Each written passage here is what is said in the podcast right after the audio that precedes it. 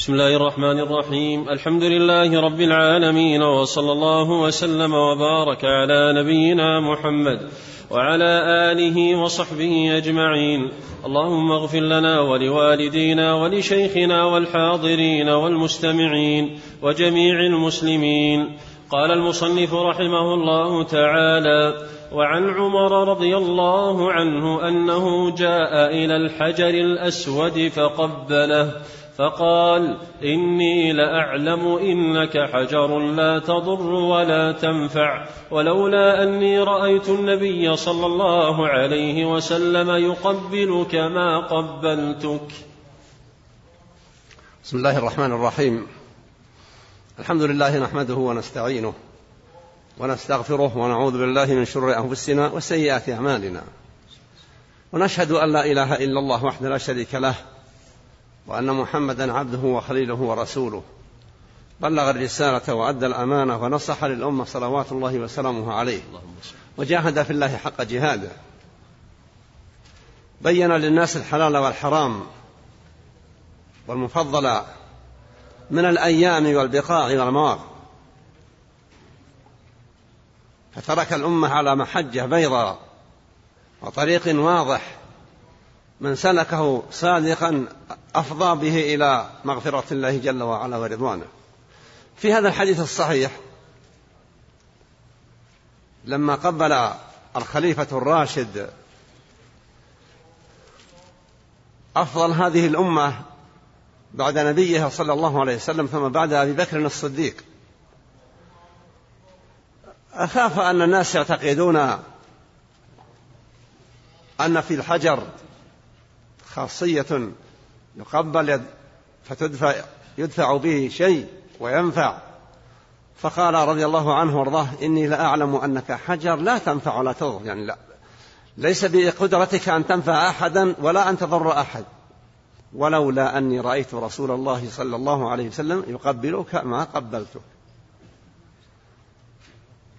ينبغي للمسلم أن يكون حسن الاقتداء بمحمد صلى الله عليه وسلم. ما عظمه رسول الله صلى الله عليه وسلم. يعظمه المسلم اتباعا لنبي الله. وما أحبه المصطفى صلى الله عليه وسلم من الأقوال والأعمال. وغير ذلك يحبه اتباعا لهدي رسول الله صلى الله عليه وسلم. فإن المحبة التي يرجى ثوابها والبغض الذي يرجى الثواب به أيضا لا بد أن يكون بمتابعة النبي عليه الصلاة والسلام. وإذا لم يكن كذلك دخل في مدلول حديث من عمل عملا ليس عليه أمرنا فهو رد. يكون مردودا على ابن آدم. ثروا فيما يتعلق بالحجر أقوال وروايات. وأنه يشهد لمن قنبلة. لكن الأرض كلها تشهد بما عمل عليها من خير وما عمل عليها من شر. ولذلك الإنسان لما يكون في برية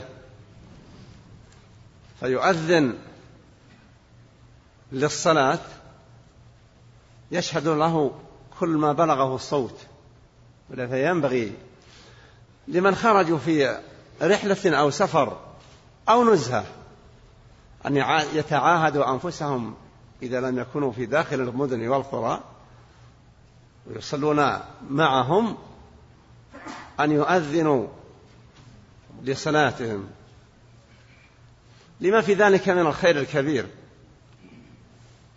وطرد الشيطان فإن الشيطان إذا سمع, إذا سمع الذكر أدبر. وفر. وكلما بعد الشيطان على ابن آدم كلما قرت قلت الأخبار الناتجة بقربه. فتعظيم الحجر الأسود وتقبيله لمن تيسر له ذلك دون مشقة ولا إرهاق له ولا إرهاق للطائفين. فينبغي للمسلم أن يحرص عليه.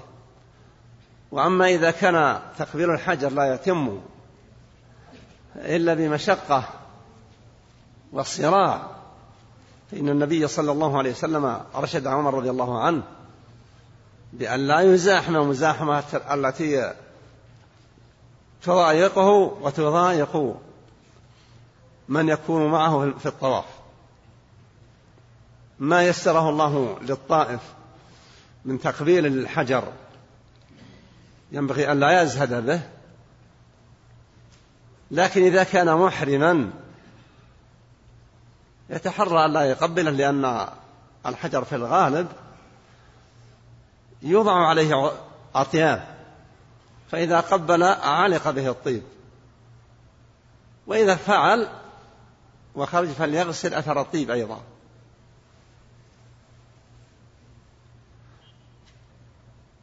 بعض العوام يظن الواحد إذا طاف بالبيت ولم يقبل الحجر أنه لم يتم له الأجر. لو كان الأمر كذلك لبينه النبي صلى الله عليه وسلم. لكن النبي بين مشروعية التقبيل لا لزوم التقبيل. فمن تيسر له أن يقبل قبل ومن لم يتيسر له ذلك فليكتفي بالطواف.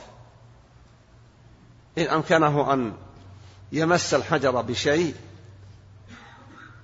بطرف كساء فليقبل ما مس الحجر. إن مسه بيده فليقبل ما مس الحجر من يده. إن قبله مسه بشيء أيضا غير ما عليه من لباس وما معه ولو بطرف عصا فليقبل. لكن لا يفعل ذلك بما يحصل به مضايقة للطائفين إذا حاذى الحجر ينبغي أن يكبر. فإن النبي صلى الله عليه وسلم وهو يطوف كلما حاذى الحجر كبر. وهذا يشمل بداية الطواف ونهاية الطواف. إذا طاف سبعة أشواط وحاذى الحجر في الشوط الأخير فليكبر. لأن النبي كلما حاذاه هذا يشمل جميع الأشواط التي طافها رسول الله صلى الله عليه وسلم. أحسن الله إليكم. وعن عبد الله بن عباس رضي الله عنهما قال قدم رسول الله صلى الله عليه وسلم وأصحابه مكة فقال المشركون إنه يقدم عليكم قوم وهانتهم حمى يثرب فأمرهم النبي صلى الله عليه وسلم أن يرملوا الأشواط الثلاثة وأن يمشوا ما بين الركنين ولم يمنعهم أن يرملوا الأشواط كلها إلا الإبقاء عليهم. النبي صلوات الله وسلامه عليه لما هاجر من مكة لم يتيسر له أن يصل إلى مكة ولا أصحابه الذين هاجروا معه ليطوفوا بالبيت.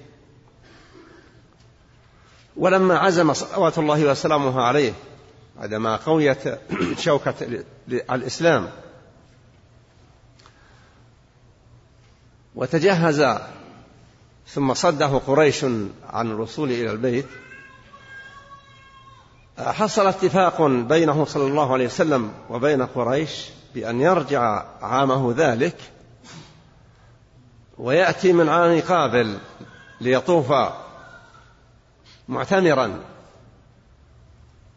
وحصل ما علم في قصة عام الحديبية. حضور الوفود وإرسال علي رضي وإرسال عثمان رضي الله عنه ليفاوض أهل مكة. ومجيء من جاء مجيء سهيل بن عمرو. والانتهاء بالاتفاق على أن يرجع النبي صلى الله عليه وسلم. هو وأصحابه إلى المدينة. ليأتوا من عام قابل. وتحادثت تحادث قريش أنه يقدم عليكم أناس وهنتهم حمى يثرب وكان اسم المدينة في الجاهلية قبل الإسلام يثرب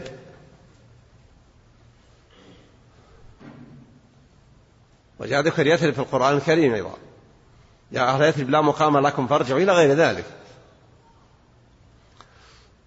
فلما أطلع الله نبيه صلى الله عليه وسلم ما تقوله قريش أمر الصحابة في طوافهم بالبيت أن يرملوا والرمل هو الركض الذي لا يكون شديدا فوق المشي المعتاد ودون الجري المندفع. وأمرهم أن يرملوا من الحجر إلى الركن اليماني. لأن قريشا جلست على الجبل المقابل للميزات ينظرون إليهم. فإذا وصلوا إلى الركن اليماني أمرهم أن يمشوا النبي صلى الله عليه وسلم. وما فعل ذلك إلا للرفق بهم إبقاء عليهم من أجل الإبقاء عليهم حتى لا يهنوا في طوافهم. فلما رأت قريش هذا قالوا هؤلاء الذين تقولون وأهلتهم حمى يثرب لهم أخف من الغزلان بمشيهم. ثم استمر هذا الأمر المشروع في الرمل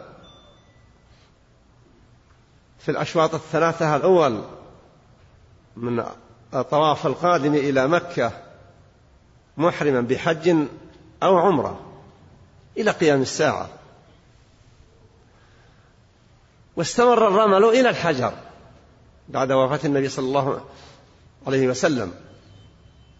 ولم يقل للناس لا ترمونوا في المحل لكن هذا الحكم استمر باقيا.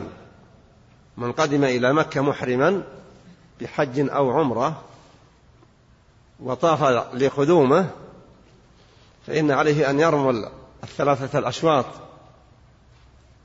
الأول ثم يمشي المشي المعتاد في الأشواط الأربعة. فصار حكما جاريا وساريا إلى قيام الساعة. ما حصل قدوم لطواف حج أو عمرة. وهذا يبين رفق رفق النبي صلى الله عليه وسلم بأصحابه واهتمامه بهم صلوات الله وسلامه عليه. وأنه يرفق بهم ويحرص على توفير الراحة لهم ويكره المشقة عليهم. وقد وصفه الله جل وعلا بأنه بالمؤمنين رؤوف رحيم. أحسن الله إليك. وعن عبد الله بن عمر رضي الله عنهما قال رأيت رسول الله صلى الله عليه وسلم حين يقدم مكة إذا استلم الركن الأسود أول ما يطوف يخب ثلاثة أشواط. هذا يبين ما ذكر في طواف عمرة القضية. يسمى عمرة القضية لأن النبي قاضاهم عليها بأنه يعتمر من قابل. فيذكر عبد الله رضي الله عنهما ابن عمر أن النبي صلوات الله وسلامه عليه إذا قدم فطاف بالبيت يخب الأشواط الثلاثة الأول والخبب هو الجري الخفيف ليس بالسعي المشتد ولا هو بالسير على الهينة وإنما جري خفيف فيه مقاربة الخطى ويسمى الخبب والرمل. فعبد الله ذكر الأشواط الثلاثة كلها ولم يستثني مشيا ما بين الركن اليماني والحجر الأسود. وينبغي للمسلم كلما قدم إلى مكة محرما بحج أو عمرة أن يحرص على أداء هذا الطواف بمثل ما بلغه من فعل النبي صلى الله عليه وسلم وأصحابه رضي الله عنهم وأرضاهم. إذا تيسر له أمر الخبب الرمل. وأما إذا كان الواحد في طوافه يجد عناء في نقل قدم من مكان من موضع إلى موضع فلا يبقى مجال بأن يخب. لأن الخلب إنما هو إذا تيسر للواحد أن يقوم بالخبب في مشيه ورمله ومع ذلك ليس بفرض واجب على كل أحد فالذي يشق عليه يرهقه إما لعجز أو لألم في قدميه أو في ركبتيه أو لشيخوخة ونحو ذلك أو لهزال زائد فالله جل وعلا ما جعل علينا في الدين من حرج. والحنيفية إنما توصف بأنها الحنيفية السمحة. ملة إبراهيم التي عليها محمد صلى الله عليه وسلم. حسن الله إليك. وعن عبد الله بن عباس رضي الله عنهما قال طاف النبي صلى الله عليه وسلم في حجة الوداع على بعير يستلم الركن بمحجن. المحجن عصا محنية الرأس. النبي طاف عليه الصلاة والسلام أولا ليرى الناس طوافه واستلامه ما يستلم من البيت. وليستطيع الطائفون أن يروه لأنه لو كان في طوافه هذا ماشيا لخفي على كثير من الناس. طريقة طوافه. ثم إنه الطواف الذي تحقق بقوله لعلي لا ألقاكم. لأنه طواف لم يأتي بعده طواف. بعد رجوعه إلى المدينة. واستلامه الركن بالمحجن. وهذا العصا لا يزال السميه العامة عندنا المحجان. سواء كان والغالب أنه من الشجر تكون فيه هذه العطفة في نباته ونموه. وأما ما كان عطف عطفا فهذا يشبه المحجان لكنه ليس كالمحجان.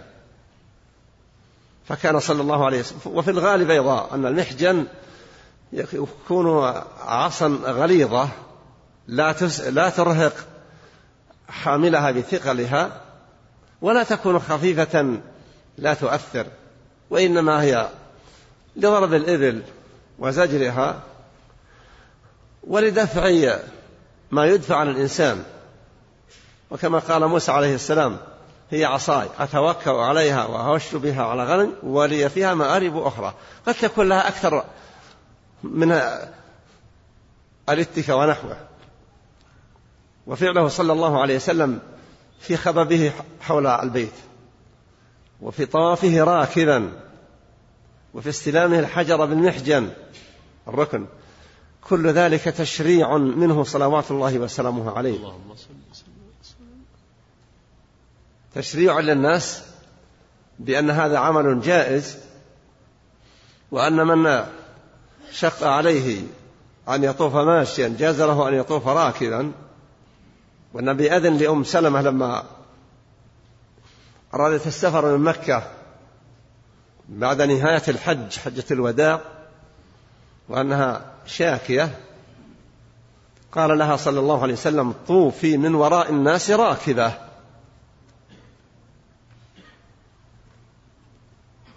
لا شك أن المشي للطائف والسعي كذلك القادر الذي لا يشق عليه ولا يرهقه أفضل. لكن إذا كان يرهق وتمكن أن يطوف راكبا أو أن يسعى في المسعى راكبا فلا حرج عليه في ذلك. وفعل نبي الله صلى الله عليه وسلم في طوافه راكبا هو قد لا يكون صلوات الله وسلامه عليه عاجزا ولكنه أيضا منشرع ليبين للناس حركاته وما يقوم به. ولم يذكر في هذا الحديث أن النبي استلم الركن اليماني مسه بمحجنة. وليس معناها أنه لا ينصر لكن الركن اليماني إنما يستلم ولا يقبل. ثم إن البيت كله لا يقبل منه شيء في المنسك ولا يستلم شيء من الأركان إلا ما ثبت أن النبي صلى الله عليه وسلم استلمه وفي قصة ابن عباس وقد يكون قد يمر أنه طاف هو ومعاوية رضي الله عنهم بالبيت فلما وصل وصل إلى الركن العراقي مد معاوية رضي الله عنه يده ومسح الركن. فقال ابن عباس إنه لا يمسح. فرد عليه معاوية رضي الله عنهم أجمعين ليس في البيت شيء مهجور. فقال ابن عباس إنما أمرت بالاتباع. يعني ليس لك أمر من التشريع فما كان من معاوية رضي الله عنهم إلا أن قال صدقت يا ابن عباس التسليم بالحق والتراجع عن الرأي إذا تبين الخطأ فيه هذه من سمة أهل الإيمان نعم. أحسن الله إليكم وعن عبد الله بن عمر رضي الله عنهما قال لم أرى النبي صلى الله عليه وسلم يستلم من البيت إلا الركنين اليمانيين. هذا هو كما أشرت. لم يأمر النبي صلى الله عليه وسلم باستلام شيء من البيت سوى الركن اليماني والحجر الأسود. وما يرى عن عبد الله بن عمر لما بلغه خبر عائشة رضي الله عنها. وقولها أن النبي صلى الله عليه وسلم قال لولا أن قومك حديث عهد بكفر لا هدمت البيت وأقمته على قواعد إبراهيم فإن قومك أعجزتهم النفقة عن أن يعيدوا بناء البيت على قواعد إبراهيم فاقتصروا واخترقوا شيئا منه موضع الحجر. فقال ابن عمر رضي الله عنهما ما أظن لما بلغه خبر عائشة ما أظن إلا أن النبي ترك استلام الركنين لأنهما ليس على قواعد إبراهيم. ثم قد قدر الله جل وعلا ما قدر. لما بنى الزبير عبد الله بن الزبير البيت وأعاده على قواعد إبراهيم ثم قتل عبد الله بن الزبير وأعيد بناء الكعبة أعيد على ما كانت عليه قبل الإسلام. والله حكم عليم. فلما هم المنصور العباسي أن يهدم البيت ويعيده على ما قيل عن بناء إبراهيم. قال له مالك بن أنس من دار الهجرة لا تفعل يا أمير المؤمنين فإني أخشى أن يكون البيت ملعبة للملوك. كل من جاء قام وتصرف وغير وبدل في أمر المناسك. اترك الأمور كما تركها رسول الله صلى الله عليه وسلم. وفعل. وقد أحسن مالك رضي الله عنه وأحسن المنصور بالاستجابة ورحم الله الجميع. نعم. أحسن الله إليكم. قال المصنف رحمه الله تعالى باب التمتع.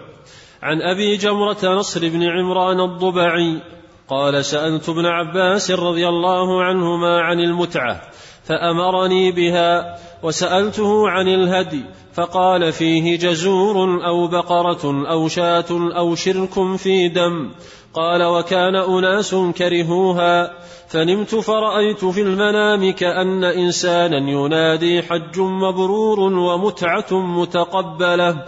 فأتيت ابن عباس فحدثته فقال الله أكبر سنة أبي, أبي القاسم صلى الله عليه وسلم.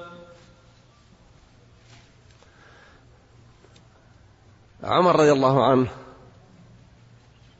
لما صار خليفة. رأى أن الناس إذا انتهى الحج قل الوافد إلى مكة. فأحب رضي الله عنه أن يستمر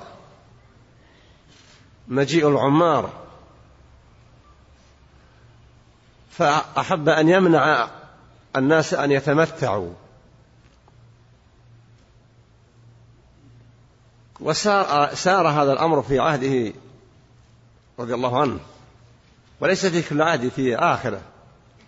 ثم في عهد عثمان وحصل فيه ما حصل من خلاف بين عثمان وعلي رضي الله عنه وإحرام علي رضي الله عنه في عهد عثمان متمتعا. وابن عباس رضي الله عنهما يرى ذلك فهذا الرجل التابعي سأل ابن عباس رضي الله عنهما عما ذكر في هذا الحديث وأخبره ابن عباس. ونام الرجل وفي فنا جاءه الحلم في نومه أن أحدا يقول له حج مقبول أو عمرة متقبلة. فأخبر ابن عباس رضي الله عنهما. برؤياه هذه فرح ابن عباس وقال سنة أبي القاسم صلى الله عليه وسلم. ثم قال له ابقى عندي أنفق عليك سنة. فرحا وسرورا بهذه الرؤيا. واستقر الأمر على التمتع. وأي الأنساك الثلاثة الأفضل. وما قيل في اختيار التمتع.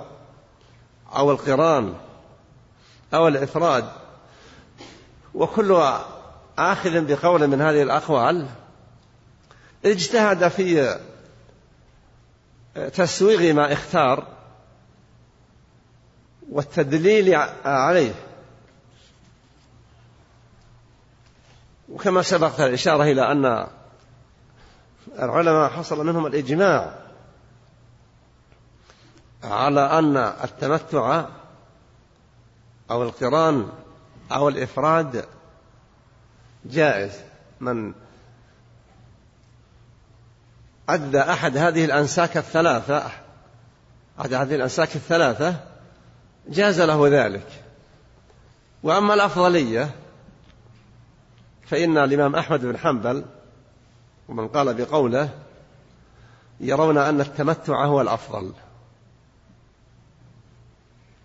ويحتجون بأن النبي صلى الله عليه وسلم تمنى أنه لم يسق الهدي. وقال لما أمر الصحابة بأن يتحللوا وتمنعوا عن التحلل لأن ذلك شيء لم يألفوه في جاهليتهم.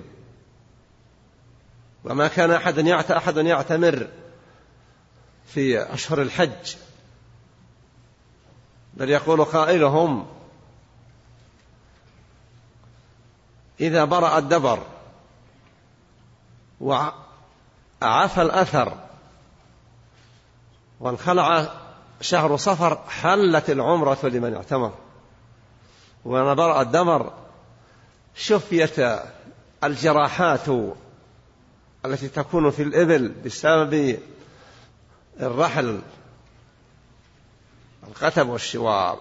الأشدة التي توضع على ظهر البعير تجرح ويكون فيها دبر. والدبر هو الجروح التي تكون في ظهر البعير. فتقول العرب إذا برأ الدبر. وعفى الأثر قل السائرون على الطرق إلى مكة. وانخلع صفر حلت العمرة لمن اعتمر. فأبطل الله رأيهم هذا وجعل العمرة حلالا للناس في جميع أشهر السنة بما فيها أشهر الحج.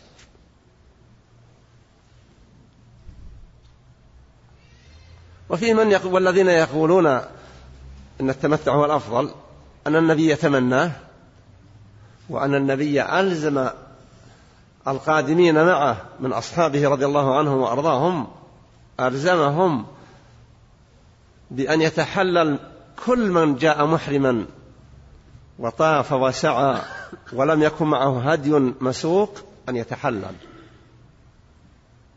حتى ولو طاف وسعى. بنية أنه حج وعمرة داخل بعضها ببعض. أمرهم صلى الله عليه وسلم. وبين لهم أنه لو استقبل من أمره ما استدبر لو علم في سابق الأمر ما علمه حين وصل إلى مكة لأمر الناس لما ساق الهدي ولكن الذي يسوق الهدي لا يملك أن يتحلل من إحرامه إلا بعد أن ينحر الهدي أو يذبح في يوم النحر. فهو صلى الله عليه وسلم كما هو معلوم للجميع. ساق معه مئة بعير. نحرها في يوم العيد. ذبح بيده. صلى الله عليه وسلم نحر ثلاثا وستين بدنة وبقي سبع وثلاثون فأعطى المدية علي رضي الله عنه ليكمل نحرها لأنه أشرك عليا معه في الهدي. ثم قال لعلي لا تعطي الجزار من لحومها أجرة جزارته. نحن نعطيه من عندنا. فإن الجزار إذا ذبح الأضحية أو ذبح هدي التمتع أو ذبح الهدي المسوق لا يأخذ أجرته من لحمه المذبوح. إن أخذ من اللحم كغيره ممن يأكلون. لأن النبي لما نحر هذه الإبل قال للناس من شاء اقتطع. من أراد لحما فليأخذ.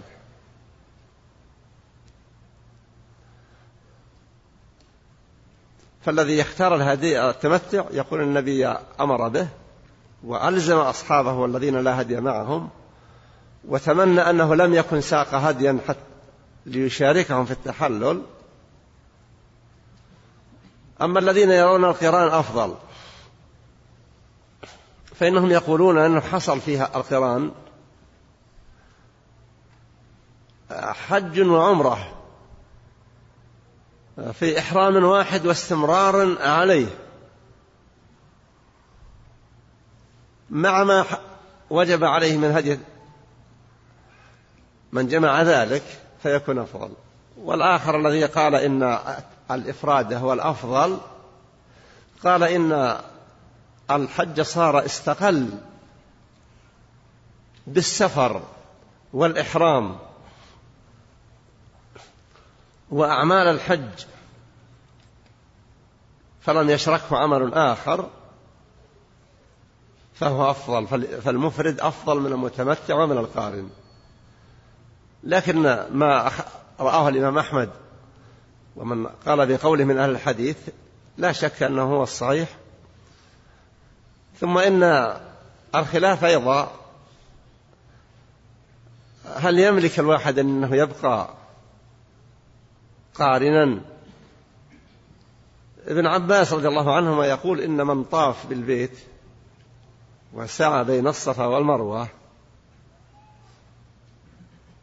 فقد حل من إحرامه شاء أم أبى يعني يصبح متمتعا رغما عن أنفه. وبهذا القول يأخذ ابن القيم رحمة الله عليه يخالف شيخه ابن تيمية شيخ الإسلام. لكن بحول الله لا شك أن التمتع هو الأفضل. وقد يترك الواحد التمتع لأن لا يشقى في يوم النحر وأيام التشريق في تطلب الذبيحة الذهاب إلى ذبحها وتولي أمرها وغير ذلك فالأمر واسع بالنسبة له. والله أعلم. أحسن الله إليك. وعن عبد الله بن عمر رضي الله عنهما قال تمتع رسول الله صلى الله عليه وسلم في حجة الوداع بالعمرة إلى الحج وأهدى فساق الهدي من ذي الحليفة وبدأ رسول الله صلى الله عليه وسلم فأهل بالعمرة ثم بالحج فتمتع الناس مع رسول الله صلى الله عليه وسلم فأهل بالعمرة إلى الحج فكان من الناس من تمتع فساق الهدي من ذي الحليفة ومنهم من لم يهدي ومنهم من لم يهد. فلما قدم رسول الله صلى الله عليه وسلم قال للناس من كان منكم أهدى فإنه لا يحل من شيء حرم منه. حتى يقضي حجه. ومن لم يكن أهدى فليطف بالبيت وبالصفا والمروة وليقصر وليحلل ثم ليهل بالحج وليهد فمن لم يجد هديا فليصم فليصم ثلاثة أيام في الحج وسبعة إذا رجع إلى أهله. فطاف رسول الله صلى الله عليه وسلم حتى قدم مكة.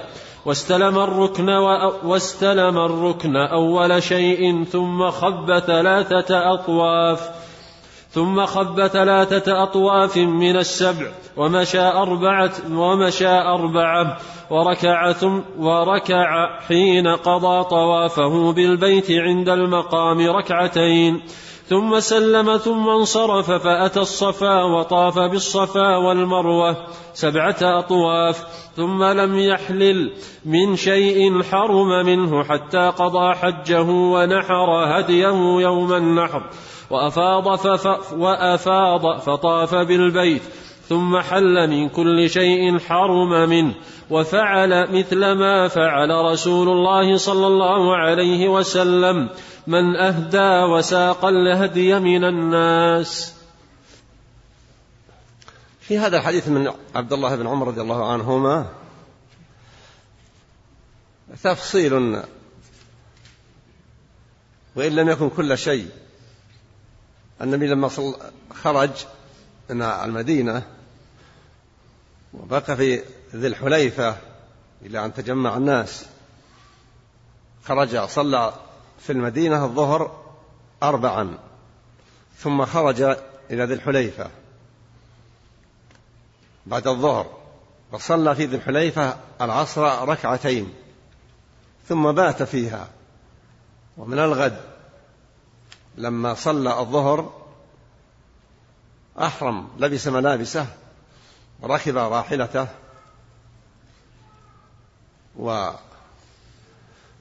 وأوجب الدخول في النسك في حجه في مصلاه ولما ركب وانبعثت به راحلته أيضا لبى. ولما علا فوق الزورة لبى. ونقل الناس ما شاهدوا وما سمعوا. وكان قال الناس من شاء فليحرم بما يشاء. وتقول عائشة منهم من أحرم بحج فقط. ومنهم من أحرم بعمرة فقط ومنهم من حج أحرم بالحج والعمرة. ولم يستنكر ذلك النبي صلى الله عليه وسلم في أول الأمر. وفي الطريق أرشدهم إلى أن من لم يكن معه هدي فليتحلل. إذا طاف بالبيت وسعى بين الصفا والمروة أن يقصر ويتحلل من إحرامه. ولم يهضم ذلك ما ارتاحوا له. لأنهم لم يألفوا في جاهليتهم. ولا سيما أن غالبهم يحج في كل عام. الذين كانوا في مكة والذين يفيدون من الأطراف يأتي منهم عدد. فما كانوا يعرفون ذلك. ثم لما طاف بالبيت وسعى أمر الناس أمرا حاسما. حتى قام أحد الصحابة وقال يا رسول الله رأيت عمرتنا هذه لعامنا هذا يعني خاصة أم للأبد؟ فقال صلى الله عليه وسلم بل لأبد الأبد دخلت العمرة في الحج إلى يوم القيامة. وتحلل الناس إلا الذين معهم هدي والذين ساقوا الهدي قلة. النبي كما سمعنا ساق مئة ثم كان قد ساق الزبير بن العوام هديا مسوقا وبعض وأبو بكر الصديق. وربما ساق غيره قلة وعامة الناس لا شيء معهم لأن أمورهم المالية المادية ضعيفة. فتحللوا. ومما استنكروه قالوا يخرج أحدنا إلى منى. وذكره يقطر منيا. فقال لهم صلى الله عليه وسلم قوله الحاسم الحازم أن عليهم أن يتحللوا فتحللوا.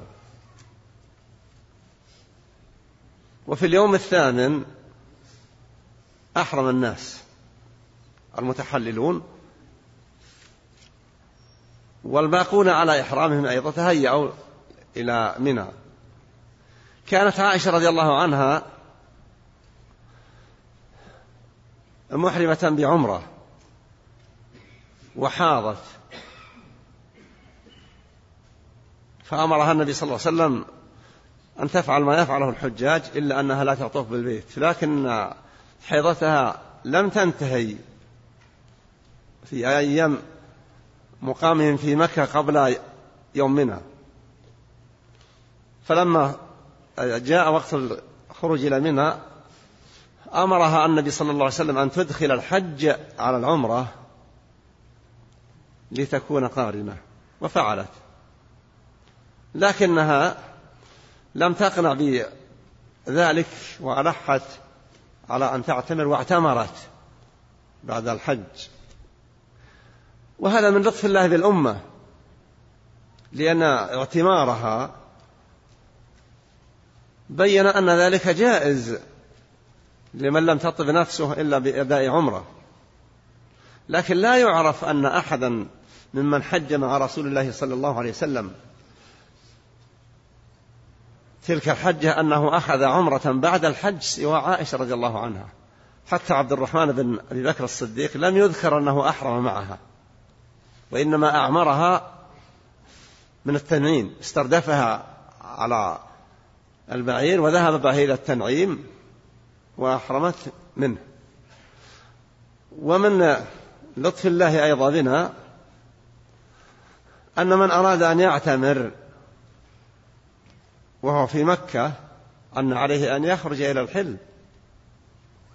ولا يقول جاء في الحديث حتى أهل مكة من مكة لما ذكر النبي المواقيت.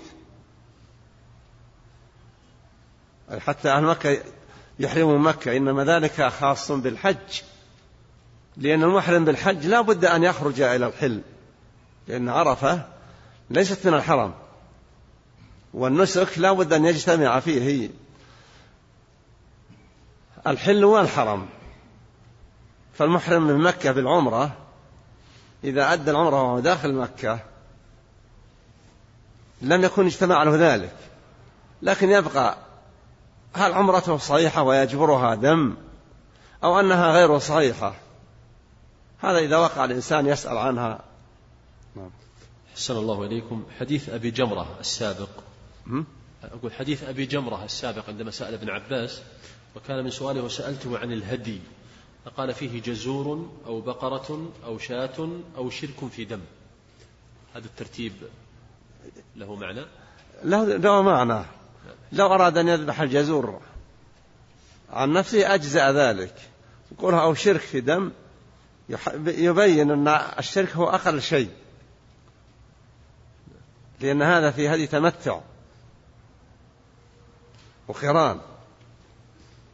فهو الذي إن شاء ذبح الأكثر جاز. أو شاة أو شرك في دم فقولها أو شرك في دم يعني هذا أقل شيء. أحسن الله إليكم.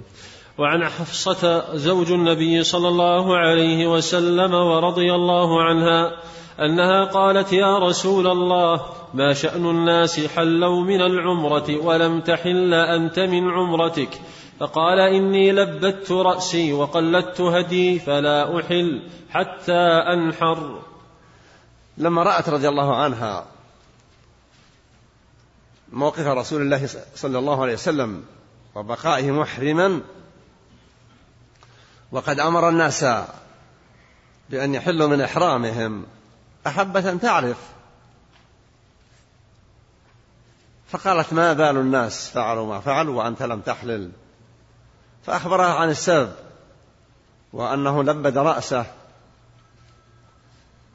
وضع عليها شيء من ما يحبس من الصوم وغيره حتى لا يكون شعثا وقلد الهدي المسوق. وكان العرب إذا أهدوا إلى البيت يقلدون الهدي حتى لا يتعرض للهدي بسوء ولا يأخذ أحد بسرقة أو نهب. تعظيما للبيت. فقال صلى الله عليه وسلم مقولة هذه وإني وأن من هذه حاله لا يحل من إحرامه حتى يبلغ الهدي محله. وهو لم يتحلل صلى الله عليه وسلم حتى وصل إلى مكة وحتى رجع من عرفة وانتهى من المزدلفة ورمى الجمرة ونحر الهدي بعد ذلك تحلل صلى الله عليه وسلم. وبالمناسبة عبد الله بن قيس أبو موسى الأشعري قدم من اليمن بعد قدوم رسول الله صلى الله عليه وسلم. اللهم وقال في إحرامه اللهم إني أحرم بإحرام كإحرام رسول الله صلى الله عليه وسلم. فجاء إلى النبي صلى الله عليه وسلم فسأله النبي بما أحرمت يا أبا موسى؟ قال أحرمت بإحرام كإحرام رسول الله صلى الله عليه وسلم. قال هل معك هدي؟ قال لا. قال طف بالبيت واسع بين الصفا والمروة وقصر وتحلل. فذهب رضي الله عنه وطاف وتحلل وذهب إلى امرأة من قومه فرجلت رأسه.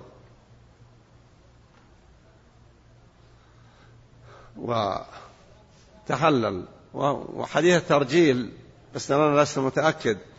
ذاك الرجل الذي يأذن لأن الواحد يأتي وتجلس امرأة صاحب المنزل تفلي رأسه. لا أدري هل هو اطلع على هذا الحديث بعد كان يكون أكثر فتنة له. لأن أبو موسى لا يمكن أن يذهب إلى امرأة ترجل رأسه إلا وهي من أهله. نعم. رضي الله عنهم وأرضاه. فالإنسان ما ما يلزم إلزام إذا أحرم بإحرام أحد أن يستمر على إحرام ذلك الأحد. فأبو موسى لما لم يكن معه هدي ولم يشركه النبي في هديه صلى الله عليه وسلم قال له إذا تحلل. ثم في أمر النبي له أن يتحلل. بأنه إذا لم يكن معه هدي لا يلتمس من يعطيه. حتى لو قال أحرمت بك إحرام فلان وفلان جاء محرما ولا معه ومعه هدي وهذا جاء الوافد ليس معه شيء لا يلزمه أن يبقى كما بقي ذاك. حسن الله إليكم. وعن عمران بن حسين رضي الله عنه قال أنزل أنزلت آية أنزلت آية المتعة في المتعة في كتاب الله تعالى ففعلناها مع رسول الله صلى الله عليه وسلم ولم ينزل قرآن بتحريمها ولم ينه عنها حتى مات. فقال رجل برأيه ما شاء قال البخاري يقال إنه عمر ولمسلم نزلت آية المتعة يعني متعة الحج وأمرنا بها رسول الله صلى الله عليه وسلم.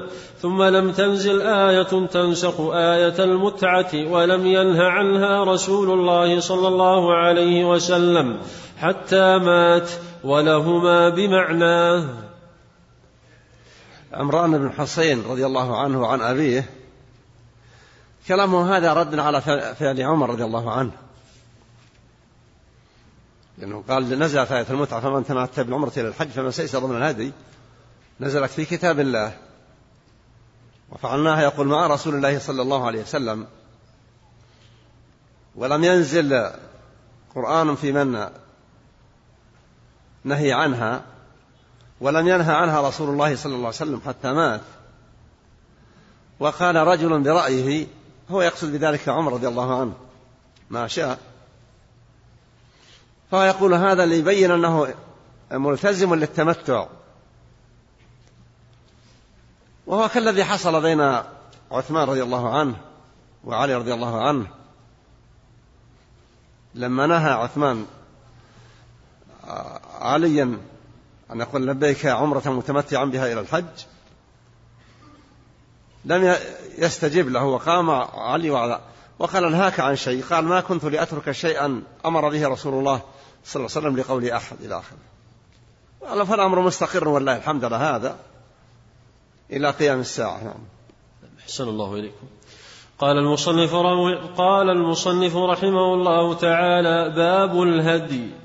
عن عائشة رضي الله عنها قالت فتلت قلائد هدي رسول الله صلى الله عليه وسلم ثم أشعرها وقلدها أو قلدتها ثم بعث بها إلى البيت وأقام بالمدينة فما حرم عليه شيء كان له حلالا. هذا في إرسال الهدي. يجوز للإنسان أن يرسل هديا من أغنام. أو إبل أو بقر لتذبح يوم العيد في مكة يوم النحر هدي منه إن كان حاجا هو فهديه هذا يمنعه من التحلل حتى ينحر الهدي. وإن كان لا غير حاج فإنه يبقى لا يتقيد بشيء لأن الناس فيما بعد قالوا إن من أرسل هديا يتجنب ما يتجنبه المحرم. بعد إرساله الهدي فبينت عائشة رضي الله عنها أن النبي صلى الله عليه وسلم أرسل هديا. تقول وأنا فتلت قلائده هو أرسل غنما صلى الله عليه وسلم في السنة التاسعة من الهجرة.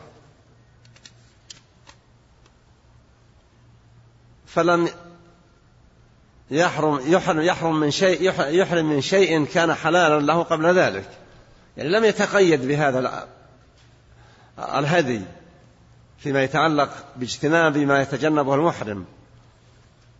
فقولها ذلك تبين أن من بعث هديا لا يلزمه إذا بعث الهدي أن يتجنب ما يتجنبه المحرم. فأخبرت أن النبي بعث هديا وأنه لم يمتنع عن شيء كان يفعله قبل ذلك. لأن الإحرام له وضع معين وغير الإحرام لا يرتب حرمة على من يبعث الهدي. والإشعار الذي يشار إليه هو أنه يشعر بسكين أو سنام البعير. ثم يمسح الدم بنعل ويعلق. تعلق هذه الحذاء بالبعير ليعرف كل من رآه أن هذا هدي ليس لبيع ولا لتملك أحد. والذين قالوا أنها أنها مثلة رد عليهم وقيل شيء يشرعه رسول الله صلى الله عليه وسلم. إنما هو تشريع وبيان لحكم ذلك الشيء. لكن لا أدري هل الغنم تسوي لها إشعار أو لا؟ لم يذكر ذلك. نعم. أحسن الله إليكم. وعن عائشة رضي الله عنها قالت أهدى رسول الله صلى الله عليه وسلم مرة غنما. هذا هو الذي أشرت إليه هنا. يعني ما قرأت الحديث الموجود بيننا لسنا مشير إلى أنه في طريقنا هي ذكرت أنها فتلت قلائد تلك الغنم بيدها رضي الله عنها. وربطت هذه القلائد في رقاب الأغنام. حتى من يراها مقلدة يعلم أنها هدي يراد أن تبلغ البيت العتيق. وفعل النبي صلى الله عليه وسلم إنما هو تشريع للأمة.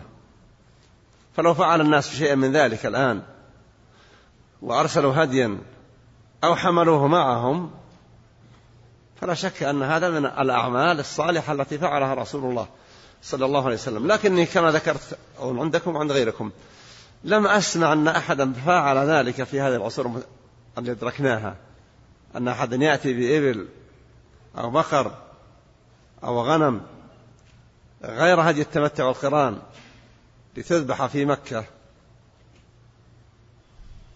فقد يصلح أن يقال هذه السنن تركت أو هجرت وهي معمول بها في عهد النبي الله صلى الله عليه وسلم. حسن الله إليكم. وعن أبي هريرة رضي الله عنه أن نبي الله صلى الله عليه وسلم رأى رجلا يسوق بدنه فقال اركبها قال إنها بدنه. قال اركبها فرأيته راكبها يساير النبي صلى الله عليه وسلم. وفي لفظ قال في الثانية أو الثالثة اركبها ويلك أو ويحك. كان العرب في الجاهلية يتجنبون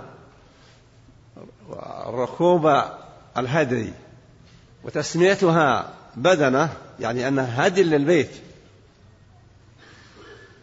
ليست للتجارة ولا للامتهان. فرآه الذي يمشي.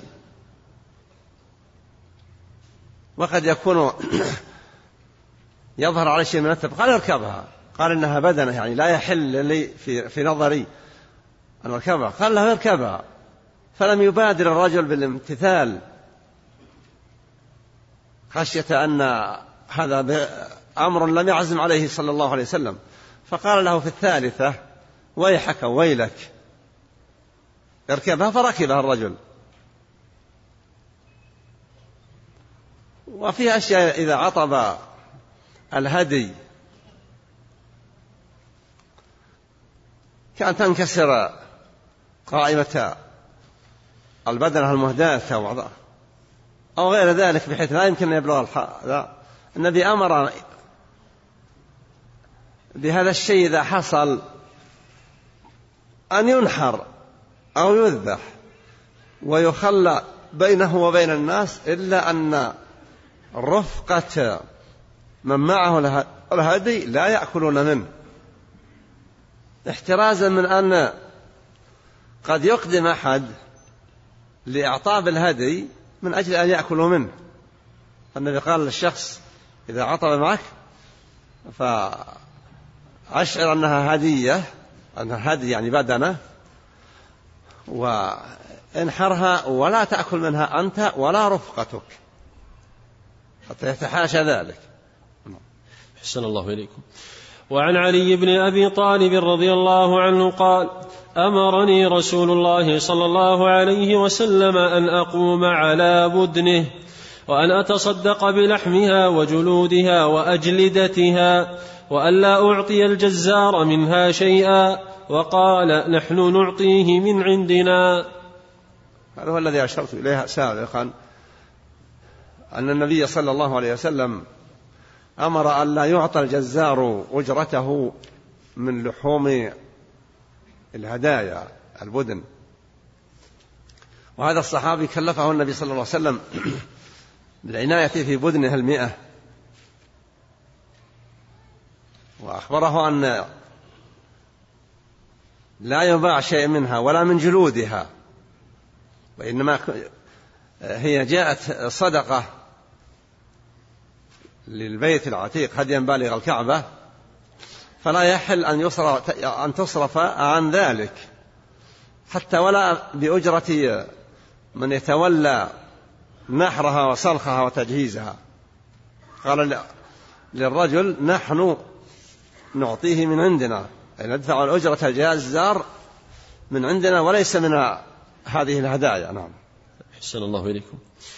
وعن زياد بن جبير قال رأيت ابن عمر, رأيت ابن عمر رضي الله عنهما أتى على رجل قد أناخ بدنته فنحرها فقال ابعثها قياما مقيدة سنة محمد صلى الله عليه وسلم. يعني أن السنة في نحر الهدي البدن التي تهدى للبيت العتيق أن تعقل يدها وتقيد حتى لا تمشي وتنحر وهي واقفة. والنبي صلى الله عليه وسلم عليه نحر الثلاثة والستين بدنة. واحدة تلو الأخرى وهي قيام. حتى فيما قص أنها كأنها هي تندفع. هذه البيت بعضها وراء بعض ليتم نحرها والله أعلم. فابن عمر لما رأى هذا الرجل منيخا البدنة لينحرها قال ويحك أو ويلك ابعثها قائمة. سنة سنة أبي القاسم صلى الله عليه وسلم أي أن نحر البدن الهدي واقفة هذه هي السنة التي فعلها رسول الله صلى الله عليه وسلم. وليس معنى هذا أنه لا يجوز إلا هذا. لو أناخها ونحرها جاز لكن الأفضل أن يسلك في نحرها المسلك الذي سار عليه رسول الله صلى الله عليه وسلم. أحسن الله إليكم. سيأتينا باب الآن باب الغسل للمحرم. ندعه الأسبوع القادم أحسن الله إليك. لا بأس. أحسن الله إليكم خاصة بقي دقيقتين على الأذان أو دقيقة. ما يخالف يسأل بعض الإخوة عن مئة من الإبل ساقها النبي صلى الله عليه وسلم. والنبي صلى الله عليه وسلم كان ميسور الحال. فهل هذه كانت من إبل الصدقة أو كيف ذلك؟ أحسن الله إليك. أولا هذه الإبل ساقها النبي صلى الله عليه وسلم. جائز أنه ملكها هو. وجائز أنها من الكسب في المغازي. واعلموا أن ما علمتم من شرع إن الله خمس أول الرسول إلى آخرة. وهذا أمر لا يعني السائل قد انتهى في وقته لكن العلماء مجمعون على أنها مئة وأنها نحرت في يوم منى في يوم النحر وأن النبي صلى الله عليه وسلم لا يعطى الجزار أجرته من لحومها ولا من جلودها.